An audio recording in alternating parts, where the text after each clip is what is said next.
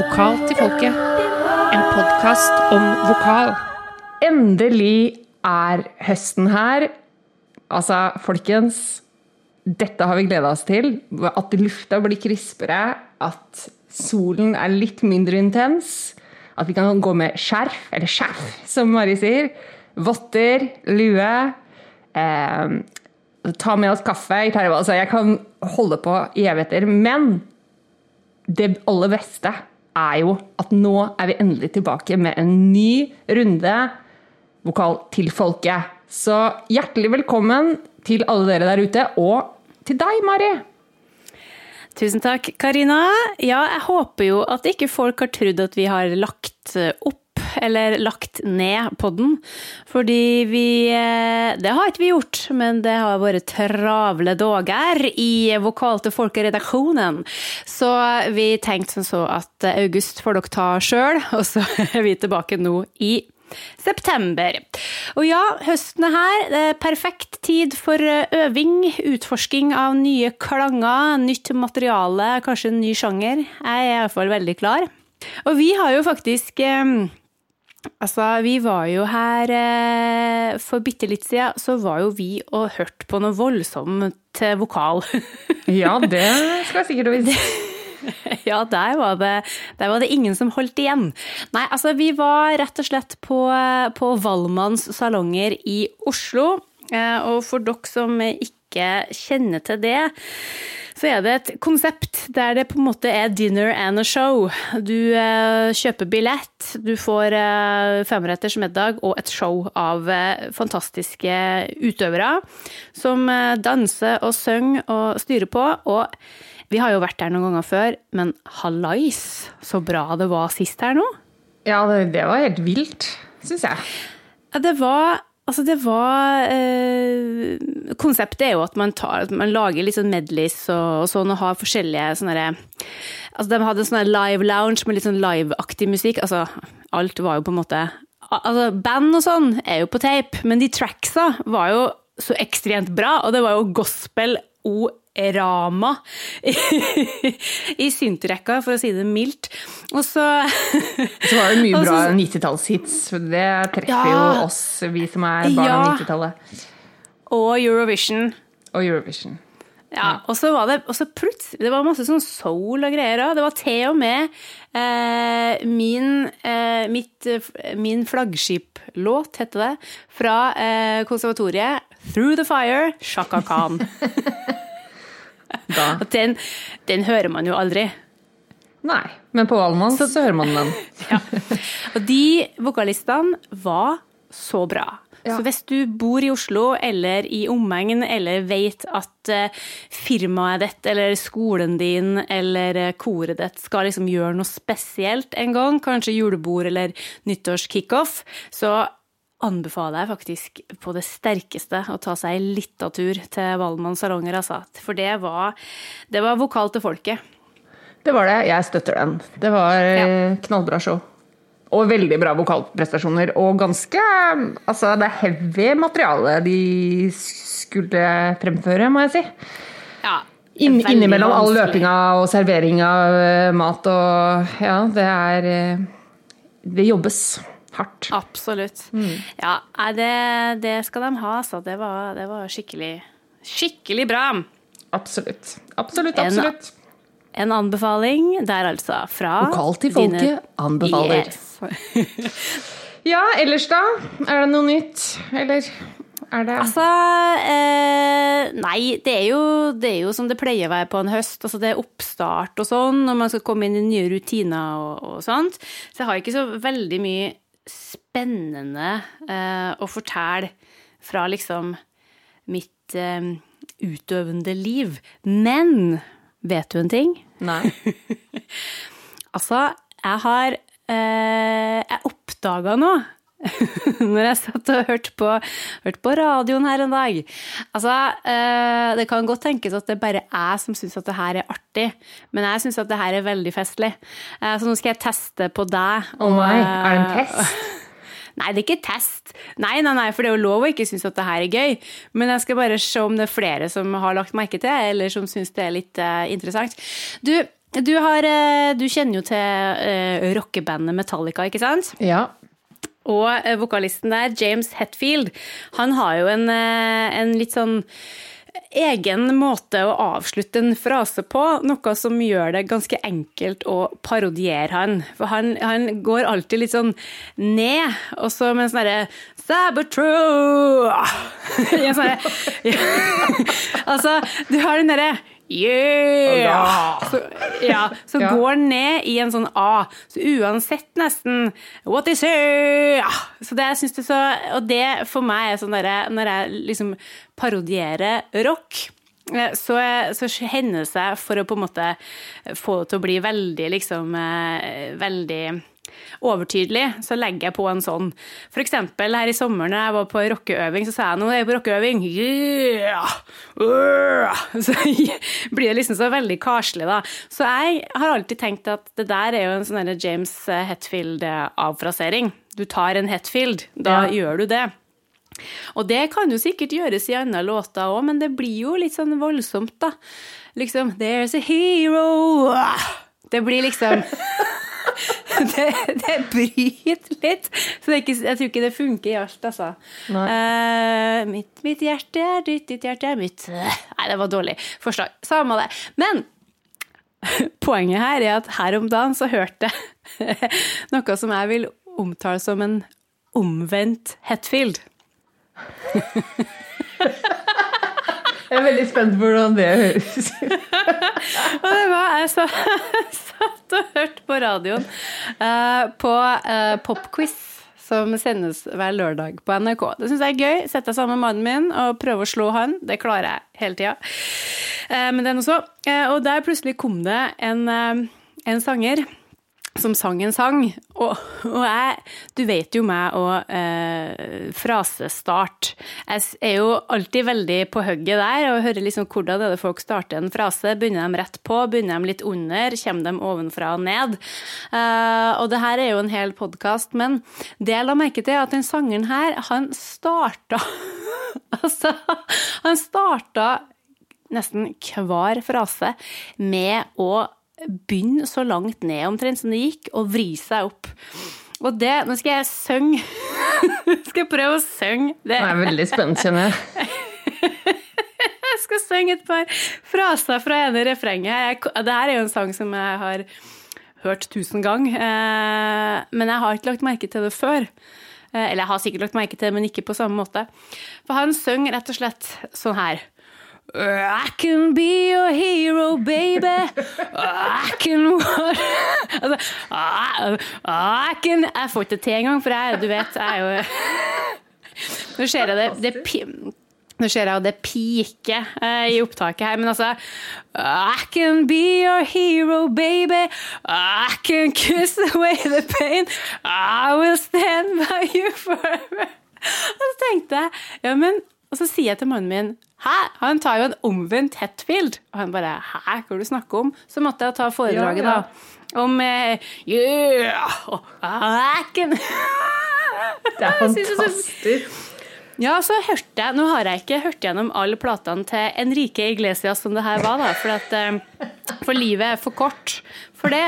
Men jeg hørte på et par andre av hans hits, og da gjorde ikke han det. Men det var litt sånn uptempo-greie, så kanskje han tenker at eh, når han skal være litt sånn følsom og og liksom sensuell, at liksom I can be your hero, baby. Men det høres jo nesten ut som at han, han, han brekker seg. I can be Jeg har ikke tenkt på det der før med han, men det skal jeg legge merke til neste gang jeg hører den låta. Ja, altså Jeg vil anbefale alle sammen å bare eh, høre på den låta 'Hero' med Enrique Iglesias. Sikkert spennende for han å få noen ekstra spins på den låta fra 2001. Um, men ja, en, jeg tenker at det der er en omvendt uh, Hetfield, altså. Ja, så hvis noen eh, ja, så hvis noen faktisk lurer på hva skal vi skrive eh, ph.d. om, så kan dere jo alltids Vær så god, et gratis tips. Fantastisk. Jo, ingen årsak. Veldig bra. Nei, men uh, artig oppdagelse. Jo, enig. Absolutt. Men eh, skal vi eh, Altså, vi er jo ikke her bare for at vi skal snakke om hva jeg har funnet ut. Skal vi, vi har jo et intervju på lur. Ja, det har vi. Skjønner jo, det skjønner jo folk, det vet jo folk. You know the drill. Så skal vi bare sette i gang. Vi bare kjører, tenker jeg. Vi kjører Først kjører vi jingle. Sånn må det bli. Lokalt til folket. Når du trenger litt ekstra vokal i monitor. Vi har fått besøk her i vårt eh, ja, hva skal jeg si, studio on the road. For vi er jo litt sånn nye plasser hver gang vi podder, føler jeg, Karina. Ja, det, det er sånn må det bli. Det er viktig å holde seg liksom i flyten. Ja. Ja, ikke stivne i gamle Nei, blir- rutiner. Nei, her, vi må opp og fram videre. Vi må det. Ja. Det skal òg dagens gjest. Og nå følte jeg meg jobba i radio. Dette er da min søknad til NRK, hvis noen uh, tvilte på det. Anyhoodle, vi har fått besøk av Lene Kokai Flage. Hallo! Hallo! Altså, så koselig at du ville ta turen. Det var veldig hyggelig å bli invitert. Ja, altså nå skal vi ha en, eh, en fin liten prat om ting som man kanskje ikke snakker om så ofte. Men før vi setter i gang, så tenkte jeg at jeg bare skulle på en måte liksom presentere deg litt, for dem som ikke kjenner deg så godt. Du har jo altså da gått på Bordar, du. Ja. På musikkteater. Når var det? Oi, oi, oi. Det var i, jeg gikk ut i 2009, Ikke sant. så da det fremdeles lå på Tullinløkka. Aha, Ja. ikke sant. Og så har jo du, altså om folk kanskje ikke liksom eh, er på hels med deg, så er det sikkert veldig mange som har sett deg rundt omkring på scenen, for du har gjort altså så utrolig mye rart. ja, rart det er. Ja. ja, men det er bare Jeg skal ikke ramse opp eh, alt, men du har jo gjort veldig mye eh, forskjellige musikaler. Deriblant så var du med i Flashdance. Den så jo jeg og du, Karina. Ja, det var Fest og glede. Og så har du gjort mye konserter og events, og ikke minst var ikke du med godeste Alexander Rybak? Jo. jo! Du fikk jeg Ikke det første gang, men andre gang. Ja, det, that's how you write a song. Ja, det husker jeg. jeg vet så gøy. Så det er liksom det er utrolig mye forskjellig du har gjort, da. Ja, jeg debuterte som danser foran eh, Eurovision-publikum. Det ville jeg aldri sagt at jeg var, men danser var jeg altså der. Og danser og korist. da. Så nå er du rett og slett musikalartist, sanger, skuespiller og danser. Jeg danser. Absolutt. Du er danser. Ja, Ja. men det. Danselene kaller de meg, eh, de som kjenner meg godt. Ja. Ja, for du, det husker jeg at det, ja, det, mm, Når jeg gjorde liksom research til episoden her, så bare Ja, stemmer det. Så måtte jeg se den videoen. Det var kult, da. Ja, det syns det var sånn, sånn 90-tallsdansing. Absolutt. Ja. Ja, det er jeg veldig svak for. Ja, det er jeg fornøyd med. Men um, du eh, jobber jo Du jobber frilans som mm. alt det her. Ja. Som danser, ja, ikke sant? Nei, ikke, altså, Nei la oss være ærlige. Men Ja. eh, ja, som musikalartist, ja. Ikke sant? Og det er jo sikkert veldig variert hverdag. Ja. Ja. Eller de siste Ja, nå gjelder jo ikke de siste to kanskje Nei, det- årene helt, men Nei. de siste årene har det stort sett vært uh, musikal da, i, Ja. i Oslo. Uh, men da gjør man jo All den tiden man ikke spiller forestilling, så kan man jo voice eller gjøre eventer. Eller, ja. Men stort sett har det vært produksjon, da. Ikke sant. Mm. Det er jo litt sånn eh, Så når coviden kom, så Ja, så ble litt det litt stopp, ja. Ja, ikke sant. Ja. Ja. Men vi trenger ikke å gå inn på akkurat det coviden. Vi blir litt lei av det. Ja, vi er lei av det. Men altså, vi, grunnen til at vi inviterte deg hit, Mm. eh, var jo litt for å bli bedre kjent med deg, selvfølgelig. eh, og så fordi du har jo hatt litt sånne stemmeproblemer. Mm. Og så har du vært åpen om det og snakka litt om det på Instagram. Og vi vet jo at det er jo mange som opplever Altså, stemmeproblem høres jo, høres jo litt sånn altså, og så opplever at ikke alltid instrumentet spiller på lag. Da. Det kan jo være mange forskjellige øh, grunner til det. Men jeg merker meg jo liksom at i idrett, hvis man liksom Ja, ja. Hvis man brekker et bein, så er det liksom Ja, du gjorde det. Det var dumt. Sånn er det. Eller ja, nei, nå har du overtrent, nå må du roe deg ned, liksom. Eller bare ja, nei, jeg klarer ikke helt å finne matchvekten akkurat nå. Hvis du driver med noe sånt vektopplegg, så ting og tang. Men, men i sang og i stemmeverden så er det litt sånn derre og det har vi snakka om før her, når Ja. vi hadde Lise Grandenberg som snakka om refluks. Det med at Å jaså, ja. Så ja, det må vel være noe teknisk, da? Ja, eller har ikke ja, øvd nok? der. Eller ja. Mm. Og det syns jo vi er veldig dumt. Jeg har jo òg sjøl eh, ikke hatt noen operasjon eller noe sånt, men jeg hadde jo, det har jeg også diskutert i det vide og brede her før, hadde jo noen stemmeissues når jeg gikk eh, og studerte, tok bacheloren min. Eh, måtte jo òg liksom være stille over tid, og ble jo veldig sånn på hugget da. Um, men i dag er det ikke meg vi skal snakke om. Takk og lov! Det er deg, Lene. Så, men jeg tenker um, Kan ikke du bare si litt om hva som egentlig skjedde? Jo. altså, jeg føler jo at man må litt tilbake til covid likevel. Fordi at det, det er jo noe med det å ligge helt brakk, liksom. Du kan prøve å synge, og du kan prøve å holde stemmen i gang, og du kan gjøre alt som du vanligvis gjør, men du får ikke denne der live-greien og det som det er å stå med et publikum i et ensemble, med en mikrofon, med alt det der. Sånn at jeg husker vi var en gjeng som snakket mye om det der, hvor, hvor vanskelig det var å liksom holde stemmen i gang. Og, og, når du først vel skulle gjøre en jobb, for det skjedde jo innimellom at man fikk lov å spille, så var det liksom Ting liksom funket ikke helt, og ting var vanskelig, og ting var emosjonelt tungt. Det var tungt å synge emosjonelt, liksom. Mm. Um, sånn at uh, når det så omsider begynte å være mulig å jobbe for fullt igjen, mm. uh, så var det jo om å gjøre å makse, på en måte, og jobbe mest mulig når det faktisk plutselig var åpent noen måneder. For det var jo sånn hele veien, liksom, at man jobbet opp mot en åpning, og så spilte man litt, og så stengte man ned igjen, og så Så det begynte vel egentlig med at jeg Det var sommeren i fjor, da, at jeg uh, jobbet veldig mye både uh, i Dyreparken og drev og prøvde inn et show som skulle opp på Edderkoppen. Vi begynte vel uh, Ja, vi begynte sommeren der. Og så uh, Jeg kjente at liksom stemmen var jo, var jo, tilbake, på en måte, eller man var i gang igjen. Men, men så var det et eller annet som skjedde i forbindelse med premieren på, på, det showet som vi gjorde på Edderkoppen. Jeg ble ordentlig, ordentlig sjuk. ikke covid, men feber og hoste. Masse hoste. Og så var det premiere, og så var det litt sånn Oi, dette går jo ikke, liksom. Så jeg tok eh, kortison to dager der for å komme gjennom den premierehelgen. Og visste at jeg da hadde fri en uke, halvannen uke, tror jeg kanskje.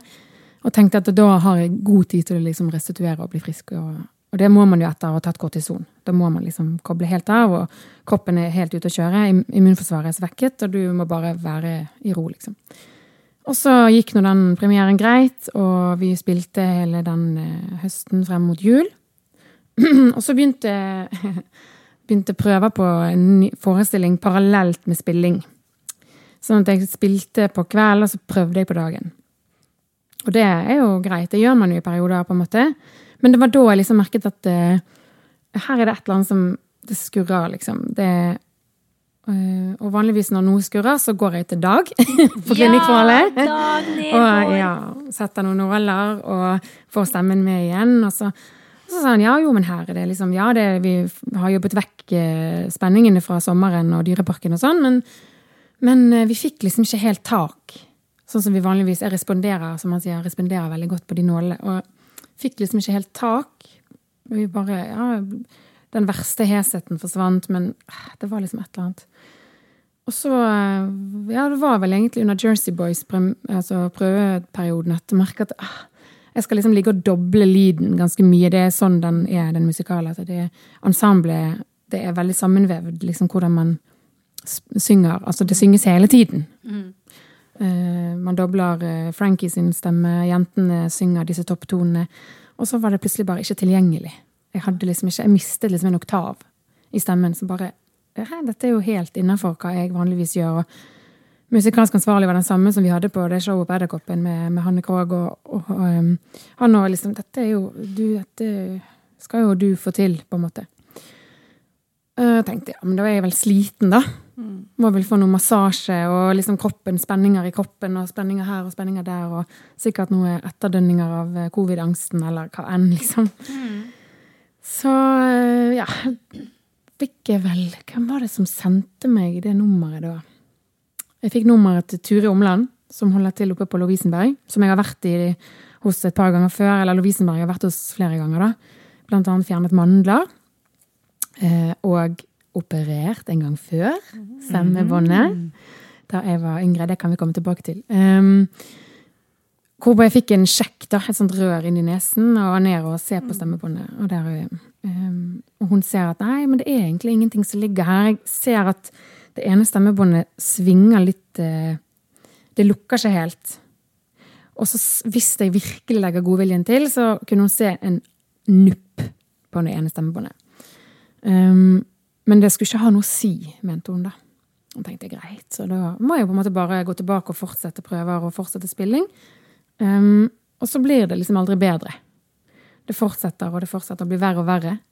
Og til slutt så sier jeg bare fra til musikalsk ansvarlig at jeg kan ikke synge på prøver. For det, det, det bare går ikke. Kommer ikke lyd. Mm. Nei, det var greit. Vi hadde hele julen til å liksom eh, øve inn. Jeg kunne få stemmefiler. Det var liksom, jeg hadde notene, jeg kunne jobbe det inn på egen hånd og fikk full tillit. Og så fikk jeg vel en ny sjekk litt nærmere jul. Og da så hun at ok, her er det et eller annet. Nå har det utviklet seg til å bli det hun mente var en polypp. Og da fikk jo man akutt panikk mm. og tenker dette, nå er vi, altså, nå er det ingen vei tilbake. Nå er det krise her, liksom. Så spør jeg henne ja, men tror du det må opereres? Tror du det? Nei, altså nei, ikke i utgangspunktet. Men det er jo en veldig rutinepreget operasjon, og det går fort. og Det går liksom sånn, og det, det er lett. Jeg bare skal bare dytte litt på han og få han til å koagulere, eller koagulere, eller hva det Bare dytte litt i han. Så ja, jeg vil helst unngå det, men kan vi liksom vente til over jul? Mm. Ja, vi kunne vente til over jul. Så fikk jeg liksom mm, fri fra og med 11. desember, spilte jeg siste forestilling, og da takket jeg nei til alt av sånn juleeventer og og sånt, og var liksom helt stille da. Eller ja, helt eh, Jobbet ingenting, da, mm. før over jul. Så var det store liksom, eh, ildprøven, holdt jeg på å si. Den var da 4. januar. Da, satt, da hadde jeg en ny kontroll. Og vi begynte vel prøver den dagen igjen på Jersey Boys. Eh, og da var jeg oppe på Lovisenberg på dagen. Og så sa hun at her er det bare blitt verre. Oh. Her er det liksom en eh, Det er en tydelig polypp som har mm. vokst siden sist. Um, og da er det liksom bare Da er, da er ikke så mye å gjøre. Så da dro jeg tilbake til uh, uh, teateret, og så på veien så ringte logopeden. Jorunn Frydenbø. Legenden over alle. Og så spurte hva tror du Hva tror du er løsningen her. Er det liksom operasjon som er eneste utvei, eller er det mulig, er det mulig å hvile det bort? Og da skrev hun vel, eller sa hun vel noe sånt som at um, du, du, sa det, jeg tenkte det dette er en operasjon, liksom. Mm. Så da var det på en måte rett på møte med teateret, eller med, med Chateau Neuf-gjengen, og så spurte jeg liksom OK, hva gjør vi nå, liksom? Skal jeg bare ut av produksjonen her og nå? Vil dere det, eller uh, hva er best for alle her nå? Jeg var helt Altså, jeg visste jo ikke. Jeg var helt Dette er en produksjon jeg hadde ventet på å gjøre i siden 2019, typ. Ja, ikke sant? Jeg har visst om den jobben i tre år, liksom. Så det er noe med å få lov å bare øh, fullføre den jobben nå. Mm. Men da var de litt sånn uh, Hvis vi skal få inn en ny, så må vi gjøre det nå. Men det hadde jo vært veldig fint å ha deg med, i hvert fall til, etter premiere. Hvis vi tar deg ut av sangtingene, kan du spille? Kan du gjøre alt utenom sangen? Kan du mime? Som er jo det verste du kan ja. be et menneske som er glad i å synge. Og, om det. Men, men, eh, da tok de meg liksom ut av alt jeg sang. Og så spilte jeg rollen min på en måte Eh, og så var vi litt sånn Når skal jeg slutte? Skal jeg slutte? Skal jeg Ja. Og så jeg, hadde jeg en produksjon som kom, som var en mye større rolle og en mye viktigere produksjon for meg, da. som de sa, det, du har større ting som venter på deg, så du må på en måte velge sjøl om du vil operere før det, eller om du vil Ja, det var mye frem og tilbake, da. Så vi landet vel på at jeg da spilte Jeg tror jeg gikk ut Siste forestilling var etter to måneder. 19. februar, vel, var vel siste. Og så opererte jeg 24. februar. Og så Ja. Da fikk vi inn en vikar for meg ut der. Ja. ja. Så det Og det Ja. Det vonde da med den operasjonen var at når hun da gikk inn det som skulle være en rutinepreget operasjon eh, Når hun gikk inn og så dyttet i den på lippen, så ser hun at oi, under denne på lippen så ligger det en syste. Nei, men kjære vene. ja. Så da ble det liksom Det første som møter meg når jeg våkner fra narkosen, er Ja, um, ja, nå har jo dette gått uh, greit. Jeg bare fant uh, et litt større problem. Sånn at det som vi trodde skulle være å bare dytte litt, det ble til å snitte i selve slimhinnen og gå inn og hente ut en syste.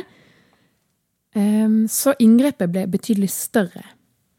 Men eh, Og så sa hun liksom ikke noe mer. Hun bare skulle videre til neste operasjon, og der sitter jeg og skal ikke si et ord. Nei, I sånn litt sånn narkosehode. Og ja, nei, men da Ja ja, ok, hva betyr det?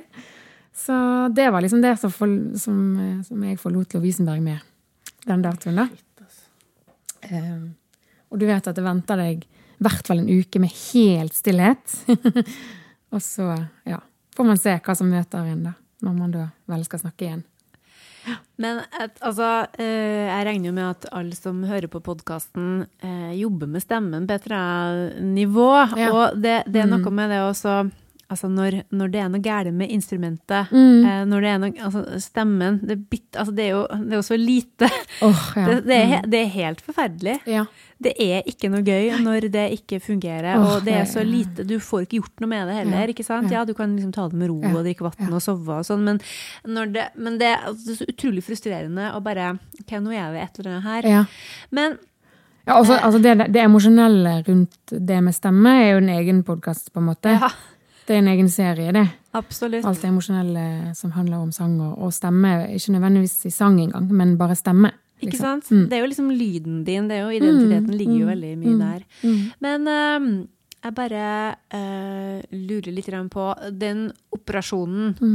Uh, hvordan er det man eh, gjør en sånn operasjon? Hvor går man inn hen? Og hva er det som altså, er du i, da er du sikkert i narkose? Full narkose. Ja. Mm.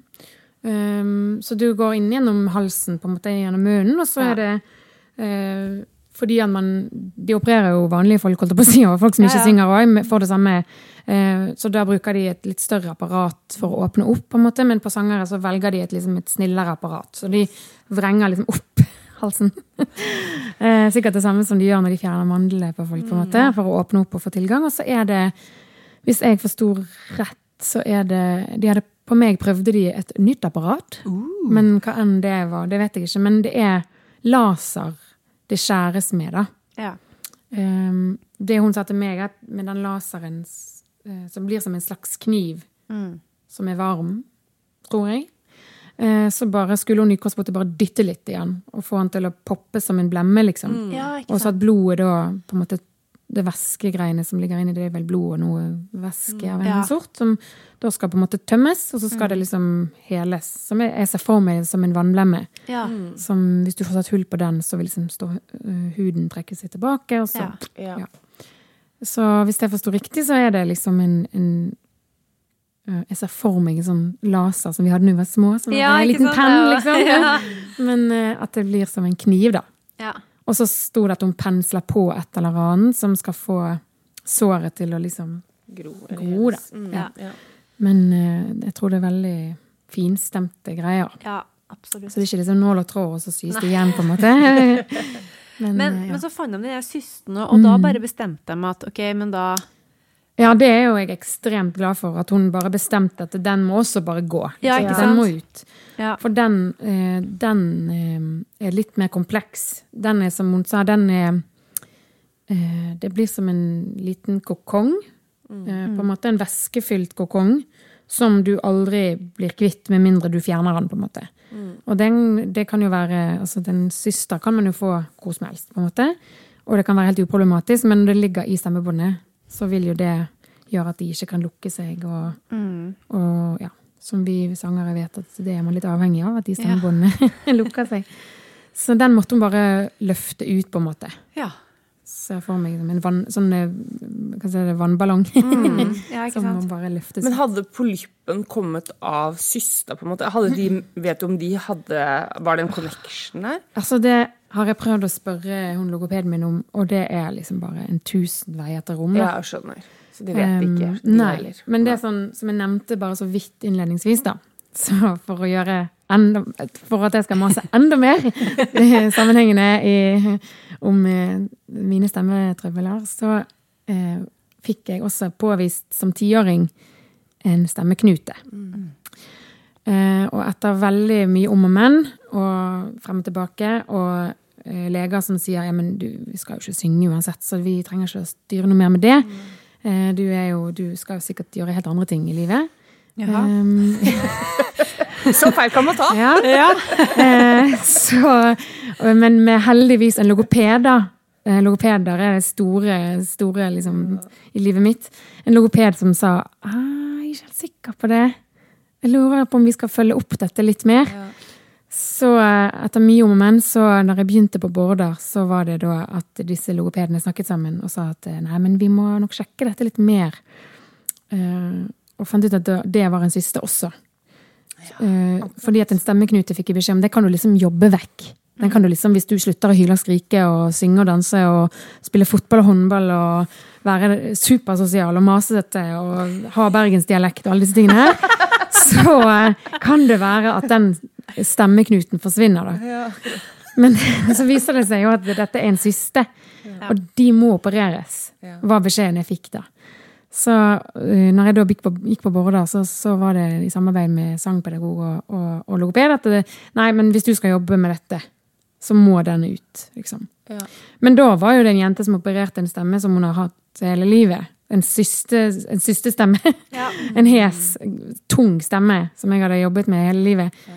Som på en måte gikk fra å være kjempehes og måtte bruke hele kroppen hver gang jeg skulle prate, til å bare Å, er det sånn? Man kan liksom Man kan ligge på sofaen liksom henslengt med beina i været og snakke samtidig. Ja.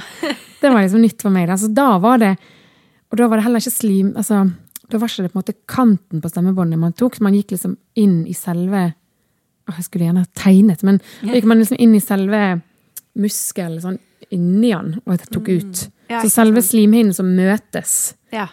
eh, ble ikke påvirket. Hvis det maker noe sense Ja. eh, for de som hører på. Så det, for meg så, da var det liksom en uke med stillhet, og så var jeg helt fin. Opplevde liksom ingen Da var det sånn når jeg byttet på border igjen etter to måneder, så, så var jeg liksom bare rett på å kunne synge ting jeg aldri hadde kunnet røre før. Um, fordi at eh, da lukket jo stemmebåndet for første gang i livet, liksom. Mens dette ja, så, eh, så for, ja, for å trekke den parallellen, så, så har jeg mistenkt litt at den systen som vi nå fant, at den kan ha ligget der um, lenge, liksom. At den kan enten ha ligget der fra, fra første gang man fant noe, liksom. Eh, men, men skjult. Uh, siden man ikke, for vi så jo ikke den når jeg var oppe på Lovisenberg nå i, i år heller. sant? At den har ligget inni der, skjult. Og så når man da vel gikk inn og dyttet, så ser man at her er det et eller annet som ikke så, så jeg tror jo det, at den har vært med meg siden, siden vi fjernet den forrige. At det liksom har vært på begge sider. Ja, nettopp. Ja, for det, var- det Ja, var hver sin side. Ja. Men, men den For det var ti år du var, sa du, når du Ja. Mm. fikk den fikk påvist. Hadde den da vært der hele Ble du født med den, liksom? Eller altså Eller Nå skulle min mor ha vært her, fordi ja. hun er veldig klar på at det den det, At jeg fikk en lillebror da jeg var tre år, eh, og var veldig sjalu. Sånn er det jo. Og satt og hylte på rommet mitt Ja. til det ikke var lyd. Aha, ja, ikke sant? Um, at det kanskje rett og slett uh, skreik på meg det. Eller, Ja. Sant? Men, men eh, jeg vet faktisk ikke. Nei, Eh, altså det eh, logopedene har sagt, er at det kan fort ha vært det, Mm. men det kan fort også ikke ha vært det.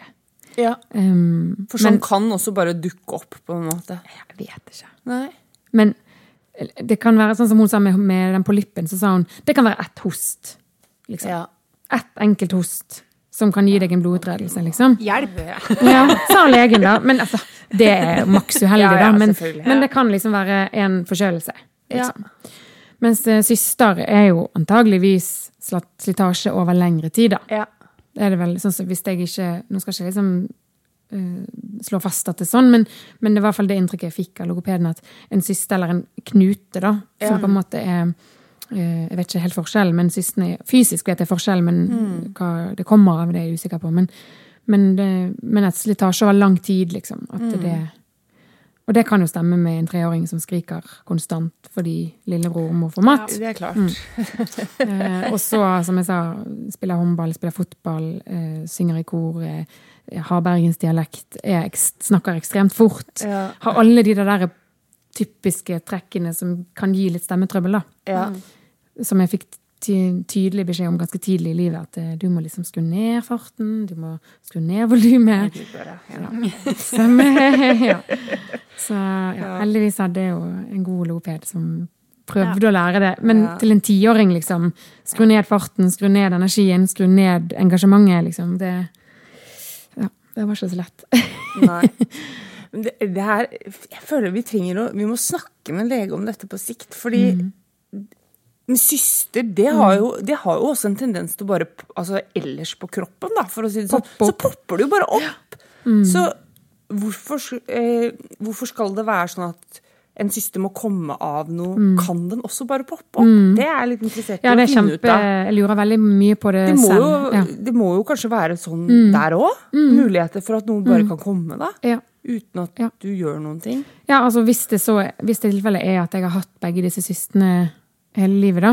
Jeg vet jo ikke. Men Nei, nei. det, så Ja, så kan det jo ha vært der fra jeg ble født, men det vil vi aldri få vite, på Nei. en måte. Eller det kan ha kommet over at jeg har vært den jeg var, da. Ja, ja. Så jeg skulle gjerne visst det, ja. Så dere må invitere inn en lege her. Jeg tror det, ja, det hadde vært interessant å høre, høre om det. Ja. Men når polyppen da, for du sa jo du var sti, eller med, med, i hvert fall ikke jobba da, Mm. i desember, men så hadde den utvikla seg også i det tidsrommet, da?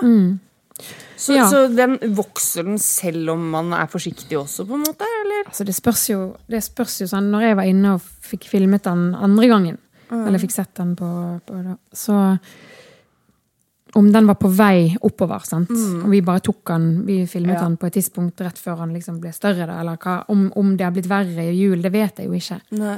Men uh, um, Ja, det, det vet jeg ikke. Nei. Det kan vel hende at når den først får fart, er i gang, så, liksom. så er det liksom ikke noe Og så er det det der å være helt stille, og hvis ingen sier Altså, det var jo ingen som sa 'du må bare være helt stille'. Det var det ingen som sa. Sant? Det, det kan godt være at det hadde hjulpet. Um, men det gjorde jeg ikke. Nei, nettopp. Jeg vet jo om folk som har fått påvist Eller logopeden min sa, Jorunn Frydenbø, eh, sa eh, at du kan nok være stille nok til at en eh, polypp forsvinner, men det øyeblikket du begynner å synge igjen, så vil han komme tilbake. Fordi det er et irritert område uansett. Så hun sa det, det er ikke mye hjelp i at du nå er stille i tre måneder, på en måte, og så finner vi ut etter tre måneder at det var helt unødvendig. Liksom. Eh, Ja. Det er jo en del risk du kan ta. Men, og jeg vet jo om folk som har gjort det, eh, som har fått polypper av andre grunner, som, som sier at det har gått bra, og at det har funket, men, men det er sånn, det er sjeldenhetene. Det hører til sjeldenheten- sjeldenhetene.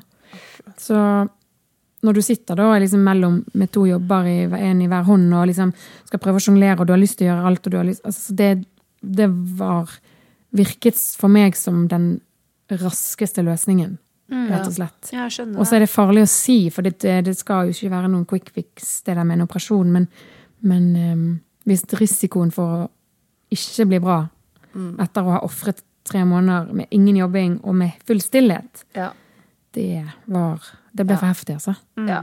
Og etter å ha vært stille i to uker De som har prøvd det I hvert fall når Altså- man er sånn som oss tre i dette rommet. vet du hva? Det, du brenner inne med så mye. Det er så forferdelig grusomt. Det er så mye verre enn folk tror, altså. Det, det er helt tortur. Man får jo ikke vært den man er. For altså, jeg husker jeg eh, Jeg var jo bare stille i, i ti Ni eller ti dager. Mm. Men da var jeg på en måte Altså, da var jo jeg eh, Da gikk jeg vel i ja, tredje året, tror jeg, Mm. på bacheloren min. Men da det, På mange måter så var det en sånn fin periode for meg, fordi at jeg eh, Altså, jeg ble så godt kjent med mitt indre liv. Ja, ja, ja. Så jeg, Ja, det gjør men, man. men det var liksom ni og ti dager. Det funka veldig fint for meg. Og jeg hadde jo bare en hevelse. Ja. Eh, sånn at jeg skulle liksom bare få Mm. ro. Så jeg visste Jeg var ganske sikker på at når jeg er ferdig med det her, så da er jeg ferdig er det med good, det, på en liksom. måte. For det var Mm. ingenting annet der. Så jeg hørte så utrolig mye på musikk og leste bøker og gikk tur og sånn. Mhm. Men jeg fikk jo ikke vært meg sjøl, for jeg var jo med ut på konserter og på byen og sånn. Eh, Og jeg merka det at mye av det som er meg, det å liksom komme med kommentarer og sånne ting, det går jo ikke an, for du rekker ikke å skrive Nei. det ned. Bare å si mm, Ja. mm, og ikke kunne gjøre det. Nei. man blir så stiv i nakken. Ja, jeg vet det. Ja.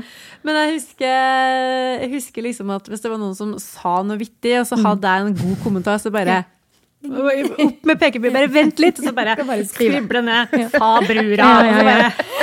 Det går liksom ikke.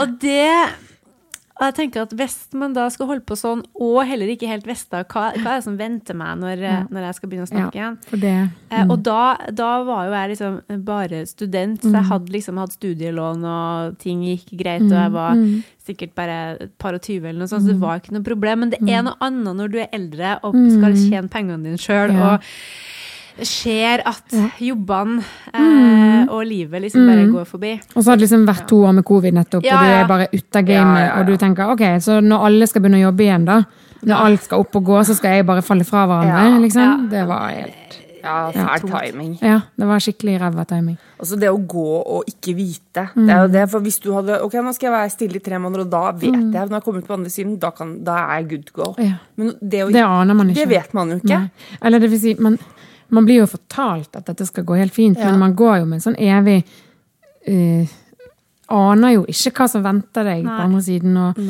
i hvert fall når det i tillegg var sånn Ja, og så fant vi forresten altså sånn, Ja, ok, har du kuttet opp hele stemmebåndet mitt Ja. nå, liksom? Har du, Jeg skal ikke inn på kontroll før om åtte uker, seks uker, liksom. Men hvor mye har du skåret bort, på en måte? Jeg aner jo ikke. Men alle de spørsmålene her måtte du stille via liksom, Ja, ja. skriftlig, da. Ja, og så satt jeg jo der med sånn bakfull og Ja, fæl, ja. liksom, og klarte jo ikke å stille et eneste et av de. Nei. Så kom jeg til bil til samboeren min, og han bare ja, men hvorfor spurte ikke du om Ja. alt dette her? Så bare For jeg hadde mer enn nok med å samle blikket og finne Altså Ja, ja. ikke se fire av legen, på en måte. Så det var ikke så lett. Nei. Men hvordan var prosessen etterpå? da? Hva gjorde du derfra? Ja, nei, det, det Det var triste tider, altså. Nei da. Det, som du sa, du kunne høre på musikk, og du kunne gjøre Altså, jeg fikk beskjed om at jeg ikke skulle høre på musikk. Jeg skulle ikke høre, altså sånn, Fordi stemmen stemmebåndene synger, Ja, det gjør de selvfølgelig. enten du vil eller ei. Så det er Ja. ingen musikk. Eh, og ingen altså, ting som på en måte Ja. Podkast. Det er det man Ja. gjør. Også, Vokal til folket, kanskje? veldig bra Ja, ja. Vokal til folket-podkast. Den turde jeg ikke høre på, faktisk. Nei, jeg skjønner. Nei, men, man får, nei, men det skjønner jeg godt, for at Det var kanskje eh, det beste temaet. Nei, for man får jo også lyst til å liksom Hvis man, ja, hvis man snakker om, liksom, snakker om legato, så får man liksom mm, og- ja. ja, det, Nei, ikke, ikke hør på den hvis du Nei. sitter der nå og er stille. Hør på denne. Nei, og så var det jo ekstremt uh, viktig å ikke hoste, husker jeg. Altså, det var ekstremt viktig å ikke skvette, eh, bli, altså at man kvepper eller sånne ting. Så jeg holdt meg hjemme, altså. Eh, var hjemme og så på TV, og leste og ryddet og var stille. Eh, og jeg husker spesielt det der med de første dagene etter, så er det jo mye slim som skal gjennom systemet. Og å ikke kunne få kremte det vekk. Ja. Det samlet seg opp, og det samlet seg opp. Jeg husker jeg hadde noen sånne øyeblikk der jeg bare sto og bare holdt meg fast. Og ikke host, ikke host, ikke host. Og kjæresten min ser på meg og bare Hva er det som skjer? Jeg bare Det er slim, liksom. Det er enorme mengder med slim her nå. Så bare stryk meg på ryggen, er du grei? Så, og det husket jeg ikke fra sist. For da var det akkurat som at nå hadde jeg et operasjonssår. Det opplevde jeg ikke at jeg hadde sist. Nei. Da var det eh, Ja. Da var det helt annerledes. Av en eller annen grunn. Sist gang var det ingenting. Mens nå var det liksom et sår. På linje nesten med altså, Gjorde det vondt da? Ikke vondt. Eller innimellom så fikk jeg noen sånn fornemmelse av at det stakk. Ja. Um, men da spurte jeg og sendte en melding til logopeden og spurte liksom, dette, skal det gjøre vondt litt, grann, sånn ekkelt, sånn rart inni der. Ja, litt ubehag er ikke uvanlig. Ja. Nei, nei, kan du bare si at det skal gjøre litt vondt nå, for Ja. det gjør litt sånn rart inni der nå. Men ehm, ikke vondt, nei, men masse slim og masse liksom pusteøvelser og drikke helt enorme mengder med vann. Ja, um, Ja, en klassiker. eh, det var liksom løsningen. Ja, hvis det er med hoste, da, drikk vann. Ja, men Ja. Men, men du fikk ikke noe annet, liksom eh, Altså, det var vann, ikke noe sånn te eller juice eller eh, Nei, hold deg unna alt av kullsyre. Ja. Eh, holdt deg unna alt av syrebaserte ting. Um, så ikke spis sterk mat. Ikke tren. Nei. Skal ikke få opp pulsen. Nei. Eh, både fordi du skal ikke ha høy blodsirkulasjon i området, liksom. Du skal heller ikke puste og pese. Og du skal ikke risikere at du må hoste. Nei. Så jeg bare ja, men kan jeg gå på yoga, da? Nei, du må holde deg i ro, ja. Da blir det rydding, da. Kan jeg gå tur? Veldig forsiktig. Ja. Så det er alt som jeg vanligvis eh, driver med, var bare ut eh, og kjøre, liksom. Det var ikke lov. Og sosialisering var heller ikke så lett. Nei, nei. Prøvde meg ut en dag med noen venninner og hadde med meg blokken. og Veldig forståelsesfulle venninner, men, men eh, den der, altså jeg fikk så mye spenninger i nakken Ja. og i hodet. Kom hjem og fikk migrene fordi man liksom skal vise engasjement og skal Ja. vise liksom prøve altså, ja, Det bare Det går ikke, liksom. Så det var lettest å holde seg hjemme. Ja. Uh, og så var det vel én dag jeg var ute og handlet. Prøvde meg på det, og så skulle jeg bare inn og kjøpe meg en kaffe. Og skulle prøve å forklare til henne jeg vil ha en enkel svart kaffe. Og så ser hun peker jeg på den kaffen, liksom. Bare Ja, vil du ha svart kaffe? Ja, du vil Ja. Ja. Hun Nikker og smiler, liksom. Bare Vil du ha melk i? Nei.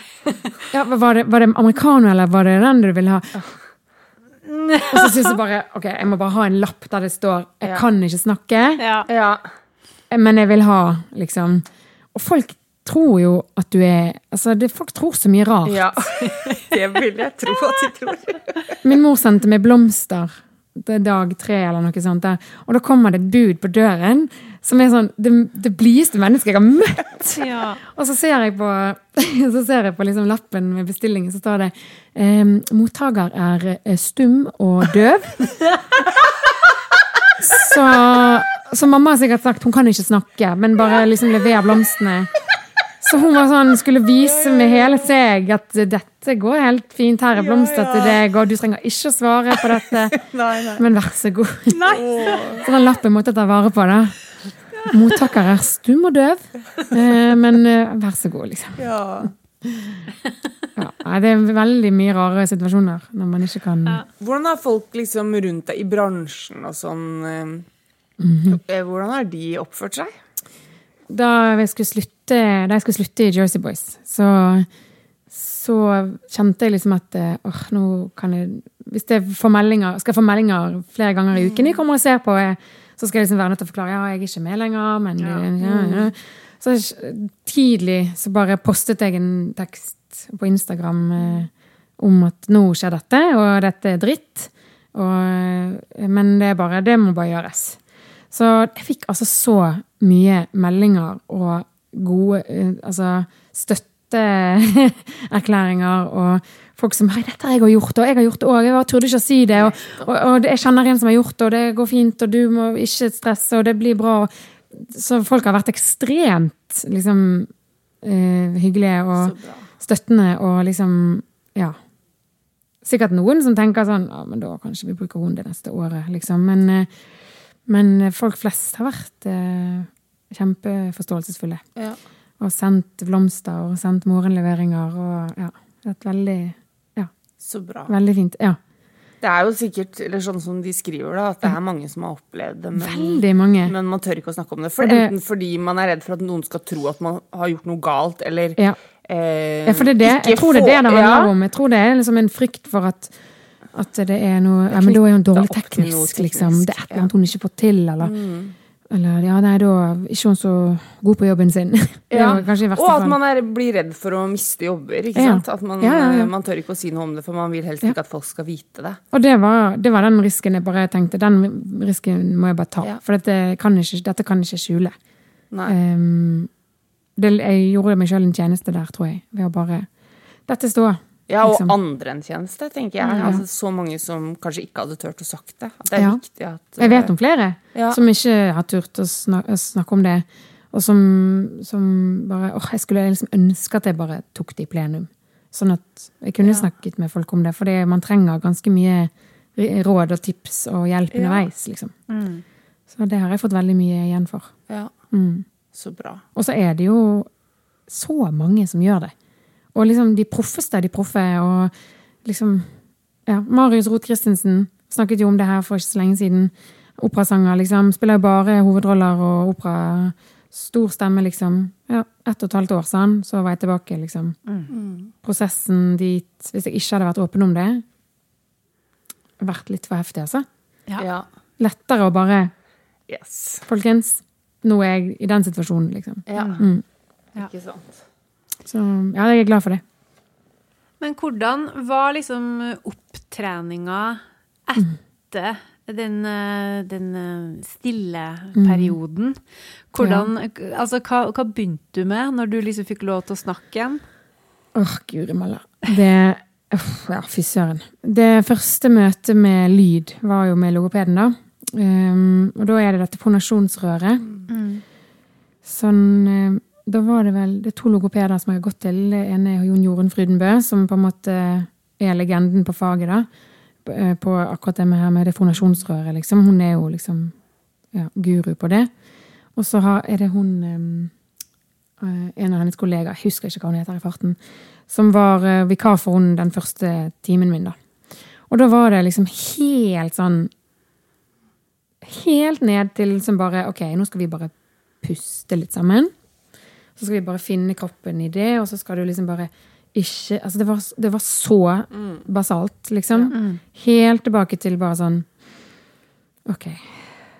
Bare finn liksom feste. Sett deg ned. Sitt godt, liksom. Helt sånn virkelig sånn Så sitter du der og er så utålmodig at du Ja. nesten ikke vet hvor du skal Ja. snu deg. sant? Ja, OK, puste nå, liksom. Og så var det vel første vi gjorde, var vel Aller første lyden var vel noe sånn mm, Bare helt sånn mm. Og det var så skummelt. Ja. Og hun sa det, nå må du bare, for nå kan det komme hva som helst, sa hun, før vi, før vi lagde den første. Hun bare, det er viktig at den første din nå, der, den første lyden du skal lage nå, den er, kan være, det kan være hva som helst, liksom. Det kan komme et brøl bare, det kan komme en skrapelyd for alt du vet. Du vet vi vet ingenting, og alt er ok. alt er velkomment her, liksom. Og så er det bare øyeblikk hun ser at du bruker for mye krefter. Nei, opp, opp, opp, opp, opp, Mm. Helt sånn, liksom. Og så jobbet vi oss suksessivt, egentlig. Og så den var vel det meste vi gjorde, var vel med sugerør første timen. Liksom noe sånn Bare sånn helt sånne små ting. Eh, og så når timen var over, så sa hun ja, og ingen snakking. Nei. Ingenting. Ingenting den uken heller. Så da hadde det vært en uke, og jeg tenkte sånn, nå skal jeg få lov å snakke. Etter en uke nå. Etter denne timen her, så kan jeg få lov å begynne å snakke så smått. For det gjorde jeg forrige gang. Ja. Da snakket jeg etter fire Ja. dager. Ingenting. Jeg bare, men jeg skal ikke tilbake hit for om en uke. Eller seks dager var vel neste time jeg hadde. Skal jeg være helt stille i seks dager til? Jeg tenkte For meg var det var helt tortur. Så visste ikke om jeg skulle le eller grine. liksom.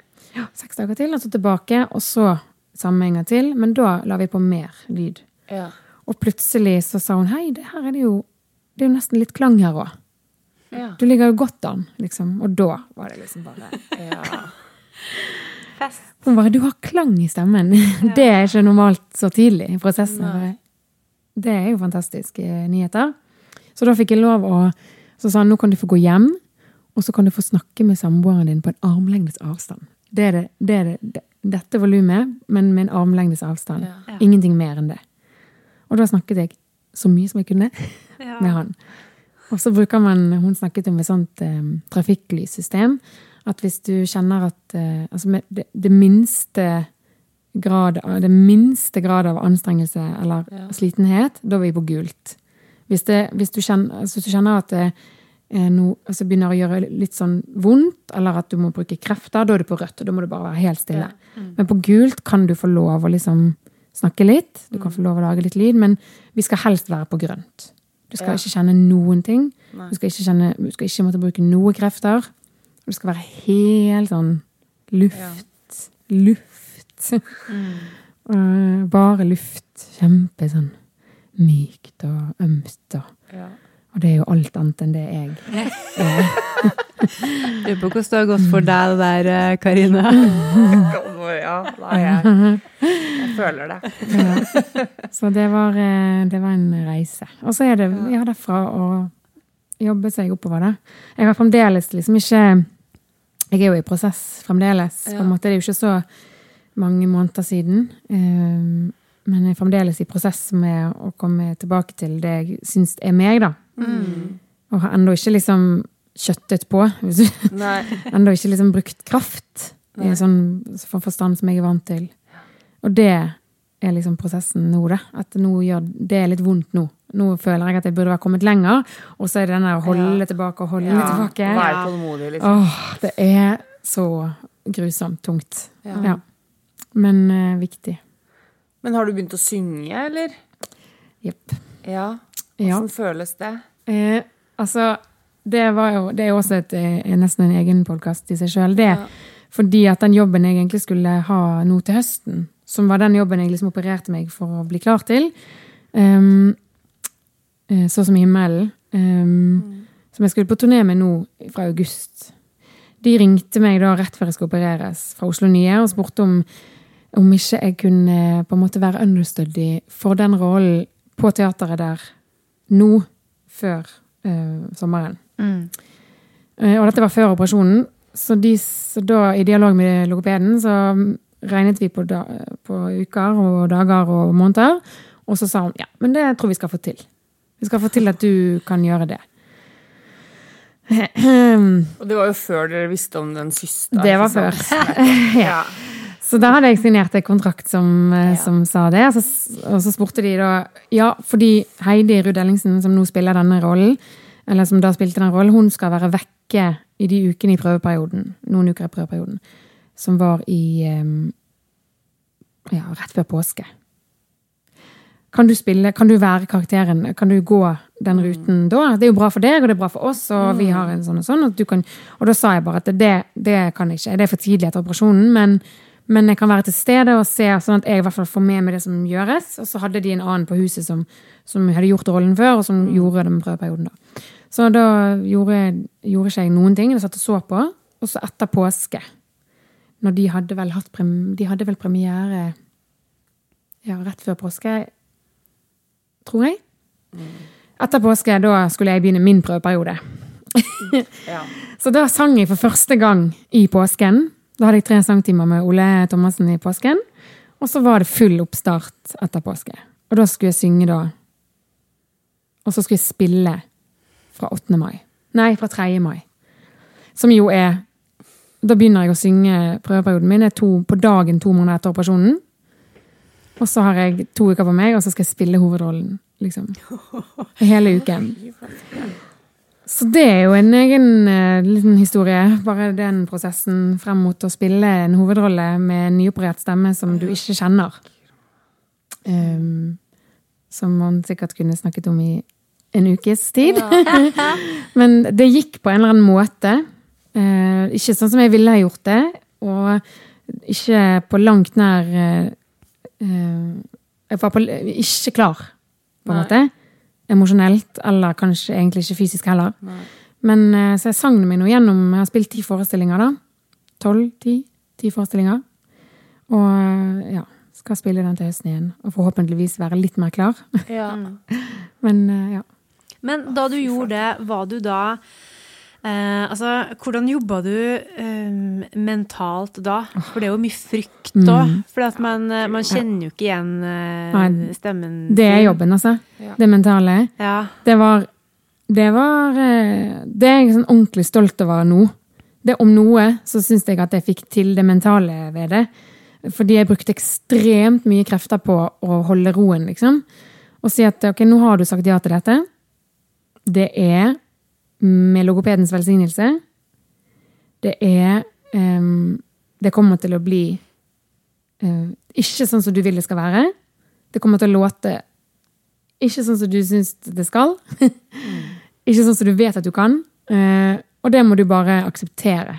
Og det er liksom uh, Altså Det er jo den evige kampen man har som musikalartist, egentlig. Det der at du aldri du er aldri bedre enn akkurat det du gjør her og nå. liksom. Du har lyst til å være det, og du har lyst til å gjøre det sånn, og du skulle gjerne gjort det sånn. Og, men akkurat det du kan her og nå, er det du er. på en måte. Så det har vært sånn, det er jo den evige kampen, føler jeg, da, som sanger og som skuespiller og musikalartist. At man, man må bare akseptere det som er akkurat nå, liksom. Og det har jeg aldri klart. aldri. Liksom alltid tenkt at det var ikke bra nok, fordi egentlig så skulle jeg gjort det sånn, men det, det gikk ikke. Nei, nå er det bare akkurat dette du kan. Ja. Med dette verktøyet. Og ingenting mer og ingenting mindre. Og dessverre for teateret så har de takket ja til det. så de må på en måte bare leve med det. så kan det vel være noen dager som det gikk bedre, og noen dager som det gikk dårligere, på en måte. Men i, sånn etterpå nå så sitter jeg og tenker at jeg er ganske stolt over at jeg holdt roen, liksom. Fy flate. Eh, Og det Gikk kan på hende du også har vært At du har kjent mer på det enn teatret Jeg har gjort. det. Jeg håper det. Eh, øh, jeg vet jo at mine kollegaer på teateret Jeg spilte jo min første forestilling uten å ha hatt en gjennomgang. på en måte.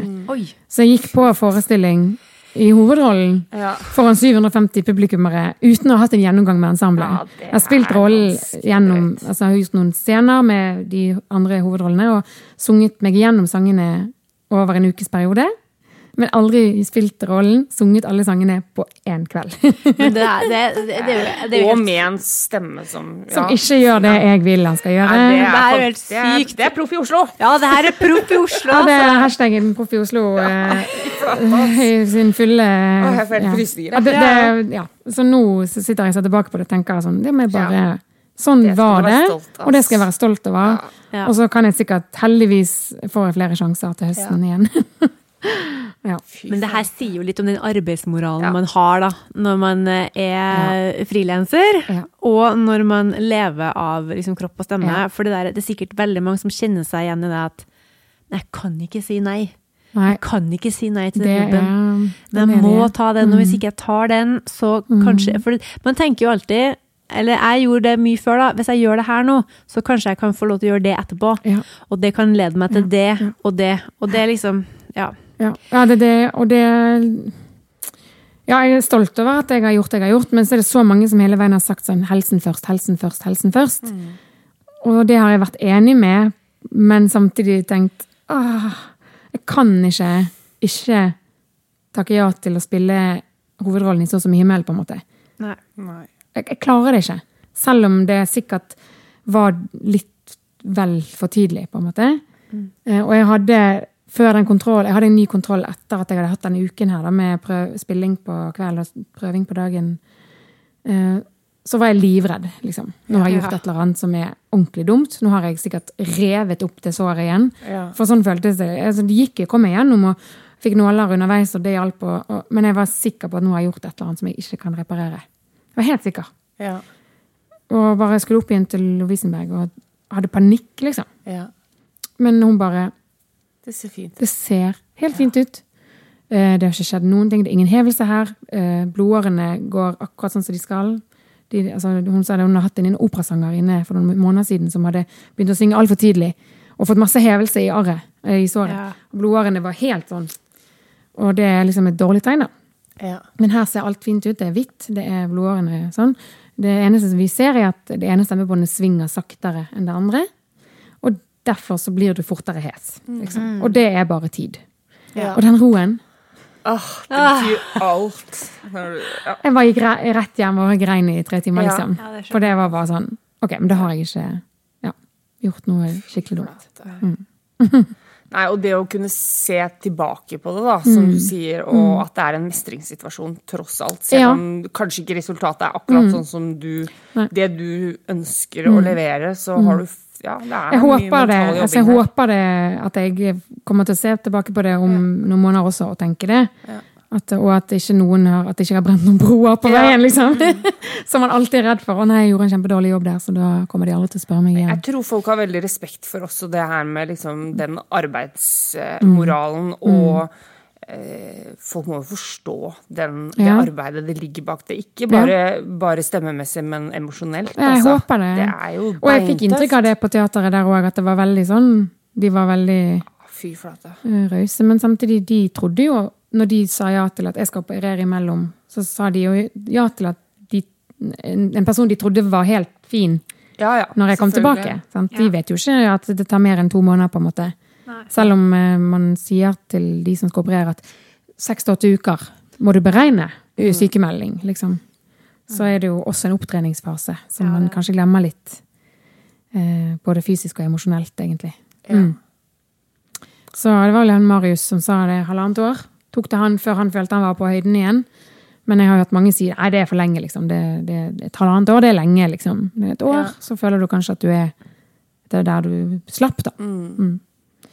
Men eh, jeg føler meg langt ifra tilbake. Og jeg merker at jeg Ja. Det er en lang reise igjen ennå. Mm. Så um, står midt i det. Ja. Og litt den frykten som du snakker om, Mm, at man er redd for å, å bli det for mye nå, eller går jeg for fort fram? At man hele tiden må føle Ja. ja.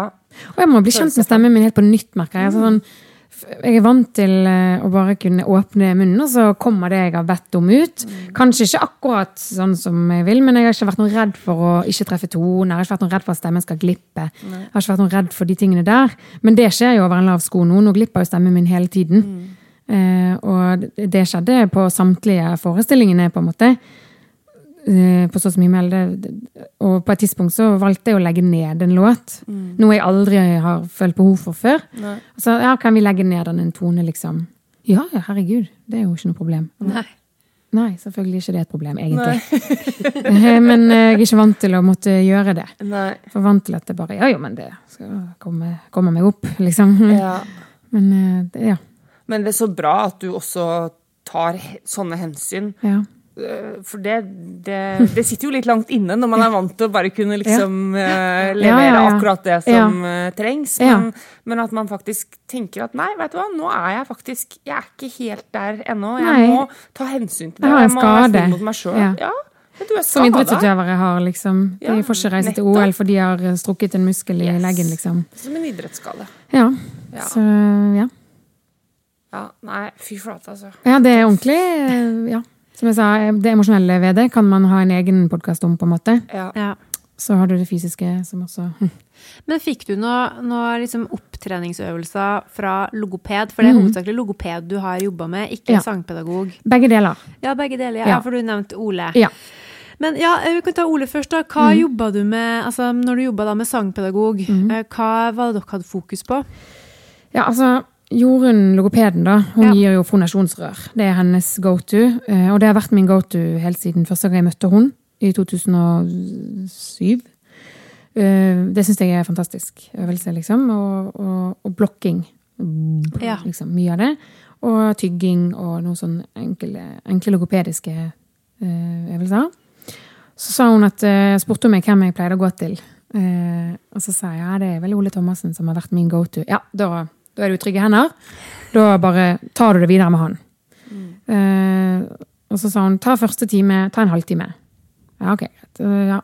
Kan jeg ta mer enn en time på en uke? Nei, uh, ikke gjør det. Så, eller hør med Ole, da. Hvis Ole syns det går greit, så kan du vel se. Hun har full tillit til han. Ja. Så møtte jeg han eh, den første timen, og da bestemte vi oss for å ta en halvtime. Og så bare testet han meg, liksom, rangen, og, og litt, gjorde litt uh, skalaer. Og, og, og han kjenner jo stemmen min godt, og har vært med på prosessen begge gangene, på en måte, begge operasjonene. Og, og, og var liksom Oi, ja, ok. Det her er det en letthet som vi ikke har hørt før. Eh, Så har vi jobbet oss gjennom skalaer, og så uh, litt enkle øvelser. Og han har jo tusen veier til rom, på en måte. Så første timen var bare en sånn kartleggingstime, da. Og så sa han nei, vi tar, vi tar en time til, vi om to dager. Og da klarte ikke vi å stoppe. Da var det sånn oi, oi, litt over år en time, liksom. Og skulle gi oss på tre kvarter, som man vanligvis gjør. Men jeg tror vi holdt på i én time og 20 minutter, liksom. Ja. Og masse ting som aldri har vært eh, tilgjengelig før. Ehm, som har kommet og gått litt underveis, men, men plutselig var det liksom Oi, dæven, her er det jo masse lyd og masse klang og uh, inn, altså, teknikker du ikke har brukt før, som du plutselig har tilgang til. Og, så det var time to, og så time tre. så var det fullt opp igjen. Da det fikk jeg panikk igjen. Da var det plutselig masse av det som var, var der sist time, som var vekk. Og som ikke klarte, og som ikke jeg fikk til. Og som bare Nei, nå er det jo ingenting som stemmer. Så, jo, det, alt stemmer. Du må bare Det er bare fysisk nytt.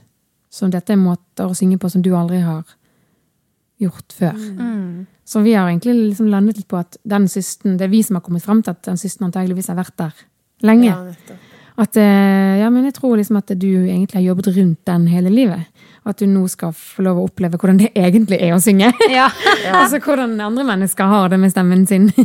At ikke det bare altså For eksempel det med for min del å bruke masse volum har alltid vært. sant? Kjæresten min som er musiker også sier det. Det er så pain å spille deg inn, for jeg må alltid gaine deg sånn ned. Alle andre må gaines opp, men du bruker så mye kraft. liksom. Ja. Og det plutselig så skjønner man å ja, ok. ja, hvis Ja, det Det kan jo fort være at det har vært en grunn for det. ja. Så, så han, vi er egentlig litt der, Ole og meg nå, at vi er liksom på utforskning av den nye stemmen. da. Spennende. Prøver å finne masse nye veier og ja, bli litt kjent med han på nytt. Og det er, har jo sine fordeler og ulemper og sine Hva man kaller det altså man, Det er skummelt og det er gøy på masse, samme tid. Ja. Um, nå har vi sommerferie, men uh, skal i gang igjen uh, snart. Ja. Så det blir spennende å se hva som møter meg etter ferien. Og veldig gøy da, hvis det er en letthet der, eller en tilgang til ting som du ikke har kunnet gjort før av den systen. Så, Ja, ja. så er jo det, kan jo det være veldig Jeg håper jo, Positivt. altså jeg er jo en messosopran, på en måte. Jeg vil Ja. kalle meg en messo, og Har aldri vært den som har lyst til å synge oppi liksom, trestrøkent leie og sånn. Og så plutselig på en time så dro han meg opp på en, liksom, en trestrøken Hva var det han sa? Var jeg oppe på en F, liksom? Lagde sånn whistle notes som jeg aldri har drevet med. og aldri vært interessert i, fordi det skal ikke min stemme gjøre. Men det var bare sånn Dette har vi jo aldri Plutselig fant vi noe sånt som ikke har vært der før. Og, så det er jo gøy. Ja, ja. Det kan være kjempespennende. Og ja, man kan finne mye, mye gøy Ja. på sikt. Ja, på sikt. Men, På sikt. eh, Må ja, ha tålmod. på, ja, ja. Det er overskriften her. Tålmodighet. Ja, jeg skjønner at det er tøft. Altså. Men jeg tenker jo at det hadde vært veldig interessant om du ville komme tilbake en gang og snakka litt om hvordan, hvordan man på en måte strengt tatt går fra 0 til 100 Ja. på en ukes tid. Ja. Um, fordi vi, vi trenger jo at folk snakker om hvordan det er ute. Hva er det folk Ja. driver med, liksom. Mm. Nå er det jo um, Jeg må si at uh, den historien du forteller, var litt verre enn jeg hadde trodd, altså. Ja. Ja, jeg må si det. Mm. Både med um, Jeg får alltid litt sånn vondt i kroppen når jeg hører om operasjoner på stemmebånd, for det er jo liksom ja, det er så Du grusomt. går så veldig på noe som du ikke egentlig kan ta på. Eh, men òg den, den perioden etterpå. Alt du ikke fikk lov til. Mm. Jeg tenker på øh, Og det her er liksom på slutten av en pandemi, og hvor man har sittet ganske mye hjemme. Men da har man iallfall kunnet liksom snakke. Ja. Eh, med den man bor med, og snakka med en venn. Men når man ikke får man får, du, Ja, du kan sitte med blokka, da, men Ja. det tar så lang tid. Eh, og når du Det tar så lang tid, ja. ja, og når du skriver, så du sensurerer jo som regel det Mm. sjøl. For du begynner å tenke ja, kanskje jeg skal skrive noe annet. Det, blir, det blir ikke på samme måte som når man er spontan og bare skravler og lar skravla gå. Merker jo det nå. Jeg har jo tydeligvis mye å ta igjen, da. Kjeften går jo Ja, det er bra! i Ja, det, er, liksom. det er derfor du er her. Kanskje det ikke er bra det, at du skal prate så mye. Men jeg syns du har vært flink til å holde volumet nede, og vi har også, Ja, legger du merke til, vi har også vært Ja, Er det sant? gode. Ja, vi er jo ikke så gode på det til vanlig. Nei, i dag I dag har vi vært rolige. Vi har vært lyttende. Ja. Veldig der, ja. Ja, vi kan godt også trene oss litt på å ta ja, for det var det første Jorunn sa til meg når jeg kom inn nå, når jeg tok kontakt med henne nå. Forbindelse med, altså Før vi fant ut at det var noe galt, her, så tok jeg kontakt med logopeden. Og idet jeg kom inn døren, hun bare 'Å, herregud, skru ned volumet'. Bare, Det er samme som han, sang, han svenske sangpedagogen som skulle ha interpret med meg den gangen jeg gikk på NIS. Så Mm. Det første han satt meg, jeg bare 'Hei, Karina! Taler du med den røsten?' Ah. Okay. Ok, Yes, unnskyld for at jeg er til. Jeg jobber med musikal, jeg, skjønner du, så der skal det prates. Så er veldig artig når du heter liksom Karina, så Ja. er bare sånn i. Det er i hvert fall måten jeg kan si Karina. Karina. det har du aldri gjort. Nei, det har jeg aldri gjort. Karina! Ja, det er fint, det. Ja. Ja. ja. Nei, men altså, ja. Nei. Jeg håper at det kjære publikum har liksom fått, te eh, fått på en måte eh, tenkt litt nå. Eh, og eh, hvis det er noen som alltid har liksom gått rundt og tenkt det at eh, ok, hvis du må operere, da har du dårlig teknikk, og da er det noe, er det noe feil, så det, det er det ikke noe fasit på. Det er sikkert dem som har hatt ræva teknikk òg, altså, som har sunget på seg det ene og det andre. Ja, men, men eh, på en måte, det, det er ikke noe fasitsvar der. Nei. Det er veldig individuelt. Ja. Og så er det jo denne evige 'hvis du er syk'. Liksom, øh, det er jo vanskelig musikal, da. Men øh, hvis du er syk, så bare vær syk. Liksom. Ja. Eller, for det er nok det som tok meg, da. Det der å skulle Ja. synge likevel, da. Ja. Jeg, altså, man kan diskutere i det uendelige hva som var grunnen til at det skjedde, men, men jeg tror jo at det var det. Ja. Helt sånn på tampen der, den sykdommen, på en stemme som selvfølgelig var ganske mye brukt, da. Jo. Ja, nei, for at det der eh, Når mine studenter eh, kommer til meg og er liksom dårlige i stemmen, mm. og skal veldig mye greier, så pleier, pleier jeg liksom å si at åh, men kanskje du ikke du skal synge. Men kanskje ikke du skal snakke heller.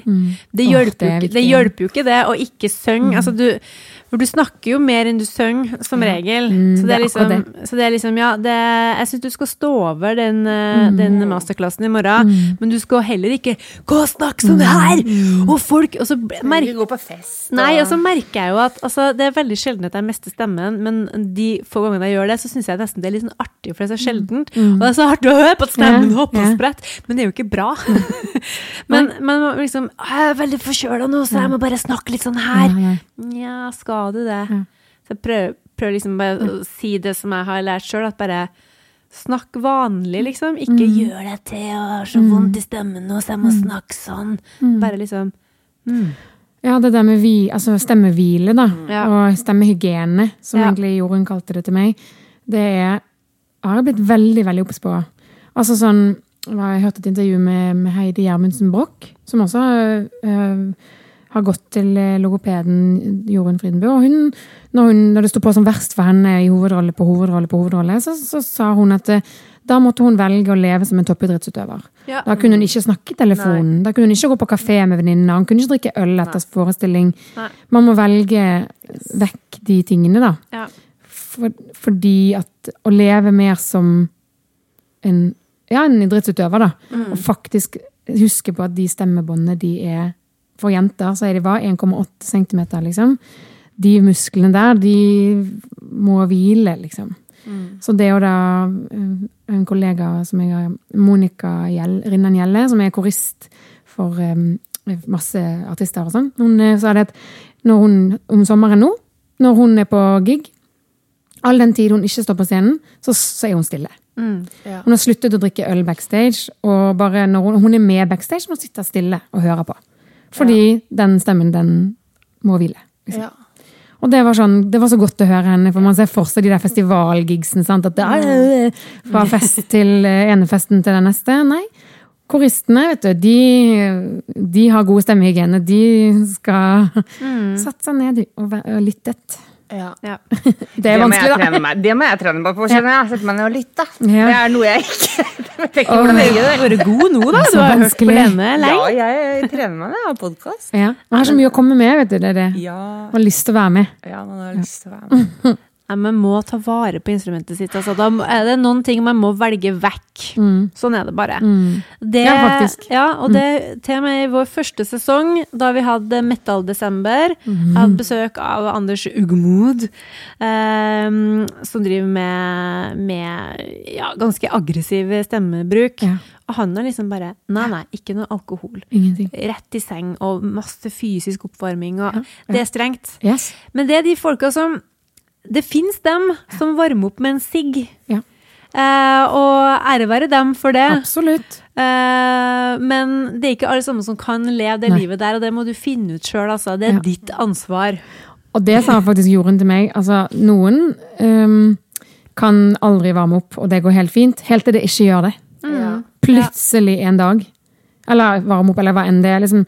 Noen kan leve det livet der, varme opp med en sigg, liksom, og så, Ja. men plutselig en dag, kanskje 40 år inn i karrieren, da, så Ja. går ikke det. Og hva gjør du da? Hva gjør du da? Nei. Så dagens moral pass på å kjenne ditt eget instrument. Mm. Gjør det som trengs. Da merker man når noe begynner å skurre. Ikke sant? Ja. Helt klart. For uh, Og snakk, altså, ja. om, eh, snakk om når det dukker opp issues, da. ja, gjør det. Ta, eh, snakk om det. Blir for dumt, for vi har jo alle I got issues. I got them too. Er det ikke noe sånt? Jo, jo. Jeg vet noe sånt jeg har hørt noe sånt.